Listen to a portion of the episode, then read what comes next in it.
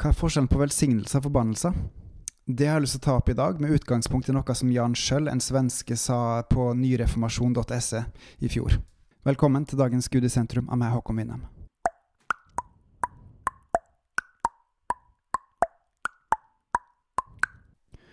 Hva er en velsignelse? For mange så kan velsignelse være gode ord, noe man fint eh, ønsker for en annen person, noe som er ment som noe godt. Hvis en går tilbake til Bibelen, f.eks. i hebreerne, så ser du at det er kun den som står over en annen person, som kan velsigne en annen person. Og Det finnes mange eksempler i Gamle Testamentet hvor det er eh, de som velsigner, gir noe fysisk, noe konkret, til de som man velsigner. F.eks. Jakob, som ble kalt Israel, altså hans tolv sønner. Han velsigna hver av sine sønner med ulike ting, og han ga konkret det og det og det til hver av de, som en kan se i slutten av første Mosebok. Eller du kan også gå til han sjøl, når han eh, lurte velsignelsen av bror sin, Esau. Fordi Jakob lurte til seg velsignelsen, og etterpå, når Esau skjønte at han hadde mista den også, så bønnfalt han. Han gikk ned på knær og gråt framfor far sin, Isak, og ba kan du ikke, kan du ikke velsigne meg også? Og Isak sitt svar var, jeg har allerede gitt vekk alle mine velsignelser. Jeg har ikke flere å gi vekk. Av det her så kan vi se at velsignelse er ikke bare noen hyggelige, fine, vakre ord. Det er faktisk noe man har, og som man gir videre. Og Man skal ikke gi det til hvem som helst, men når man har noe og man ønsker å gi det videre, så skal man gi det videre, direkte til den personen man ønsker å gi det. Legg merke til at det er en som har, og så er det en som mottar. Det betyr at det er en som er aktiv, og en som er passiv. Så her er det egentlig rett og slett et bilde på Gud også, som velsigner oss mennesker med Jesus, at vi får lov til å ta imot trua bare ved å tro på Jesus. Vi er passiv, han er aktiv, og vi tar imot hans velsignelse. Det er en enormt stor gave. Hva så med forbannelser? Forbannelse er jo det motsatte av velsignelse. I dag kan forbannelse bli brukt på en litt vel lett måte. Og så vet man ikke, eller så tenker man ikke over at forbannelse er faktisk også noe man gir, noe konkret man gir til en annen person. Da er det igjen en aktiv og en passiv part, og det her forbannelsene er da noe som går ut over den passive parten. Men det viktigste er altså å vite om at velsignelser det er noe som en, en person har, og som en velger å gi videre og dele videre med en annen person. Og det fantastiske er jo at Gud han velsigner oss med veldig mange ting, og så sier han at det aldri går tomt. Så sjøl om vi velger å gi videre, så vil vi ha like mye fortsatt sjøl. Helt crazy good. Hva så med helliggjørelse?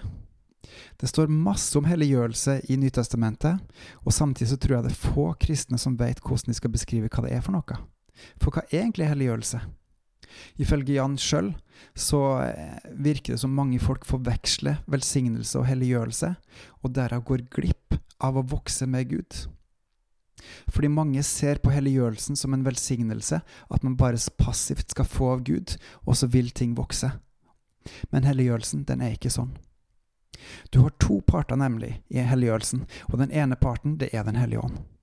Det er en hellige ånds frukt som virker i oss. Det er en hellige ånd som gir oss, det er en hellige ånd som lærer oss opp, det er en hellige ånd som bor i oss, det er en hellige ånd som stempler oss som sine, at vi er Guds sine barn. Det er en hellige ånd som gir oss det vi trenger, det er en hellige ånd som lærer oss opp i alt det vi trenger. Det er en hellige ånd som gir oss alt, for han er jo Gud. Og da vil kanskje mange tenke ok, Gud, gi meg dette, gi meg dette, og så er alt på stell, alt er på plass. Men sånn er det ikke. For helliggjørelsen krever én ting til. Og det er at vi aktivt tar imot. Vi skal ikke være passive, sånn som i velsignelsen. Vi skal være aktive i helliggjørelsen. Ønsker vi å se Den hellige ånds frukter, som det står om f.eks. i Galaterne 5, så må vi hige etter dem, så må vi strebe etter dem, så må vi be om dem, så må vi jobbe med dem, jobbe dem til oss. Så må vi jobbe med vår egen personkarakter og strekke oss etter det og bønnfalle en hellige ånd om å gi oss. Og når vi står der på valg, når vi har lyst til å gi opp, når vi har lyst til å bare slenge døra igjen, så skal vi fortsatt velge å stoppe opp og ta imot og velge å gi. For det er sånn Den hellige ånd er, og det er sånn Den hellige ånd virker i oss. Hvis vi ønsker å vokse, så må vi strekke oss. Det er ikke sikkert vi ser det, det er ikke sikkert vi skjønner det, men vi skal likevel strekke oss etter det og be om hjelp i det, for vi er ikke alene i det. For det, som er så fantastisk med, med denne helliggjørelsen, det er at Den hellige ånd virker i oss. Han står ved hjertedøra vår og banker på og ber oss om å slippe han inn, slippe han til, slippe han løs. Og så er det opp til oss, den enkelte. Vil vi slippe han til? Vil vi la han virke i oss? Vil vi la han tale inn i vårt liv? Vil vi at han skal virke i oss og hjelpe oss til å vokse i hans kjærlighet, i hans godhet, i hans sannhet, i hans langmodighet, mildhet, trofasthet og alt det andre som er fra han? Og det er kun hvis vi slipper han til, og det er kun hvis vi er aktive i å hige etter det her, at det vil vokse, at det vil bære frukt. At det vil boble over, at det vil vises gjennom de livene vi lever. At vi vil vokse med Gud, at vi vil vokse til å bli fullmodne sønner og døtre av Han.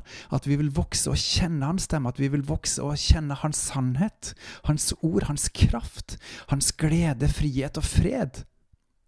Det er kun gjennom å være sammen med Gud, og jage etter alt som er av Gud, og ha Gud som forbilde, å være bygd opp i hans kjærlighet og Hans som eh, sin styrke. Det er kun gjennom å være med han at vi kan få det. Hvis vi sitter passive i sofaen, så skjer det ingenting. Fordi helliggjørelse er ikke velsignelse. Ja, Gud kan velsigne oss med ting, blant annet med trua, helt uten at vi fortjener det. Men når vi tror, da er det en reise. Da er det en jobb som må gjøres. Da er det en, er det en kraft vi må slippe til. Da er det et arbeid som vi må gjøre, og som vi må vokse i. Fra å være helt nyfødte kristne, som babyer, til å vokse, til å lære seg å gå på beina, til å støtte seg til ting, til å lære seg å gå ut og gå på egne bein og klare seg mer og mer i verden, og så bli opplært av Den hellige ånd til å gå fra å være en disippel til å være en apostel til en som kjenner Gud, som kjenner Hans vilje, som er opplært i trua, som følger Den hellige ånd, som kjenner Hans ord, som kjenner Hans kjærlighet, som er full av Hans kjærlighet, kraft og styrke, og som går. Som ikke tenker på seg sjøl, men som er lært opp til å tenke gjennom Guds øyne, gjennom Guds vilje, til Guds ære, i Guds kjærlighet, i Guds godhet, i Guds visdom. Og målet er ikke å bygge seg et godt liv, målet er å bygge Guds rike. Målet er å få Hans rike til vekst, både gjennom at vi som tror, vi skal bli sterkere i Gud, og at flere skal få høre om Han. Til å vokse opp til å bli boblende over av Hans glede og godhet og kjærlighet, og bare gå rundt og spre Hans nåde videre. Ikke fordi vi fortjener det, men fordi Gud er Gud, og Han fortjener det. Og han bor i oss, og han virker i oss, i hver og en som slipper han til. Hvilken mektig far vi har. Hvilken mektig far vi har. Hvilken mektig far vi har.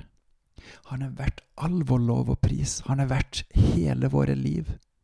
Hvilken mektig far vi har. Så derfor, bygg Guds rike Søk han, vær med han, voks med han, slipp han til. Be, ikke først og fremst for eget liv, men for Guds rike.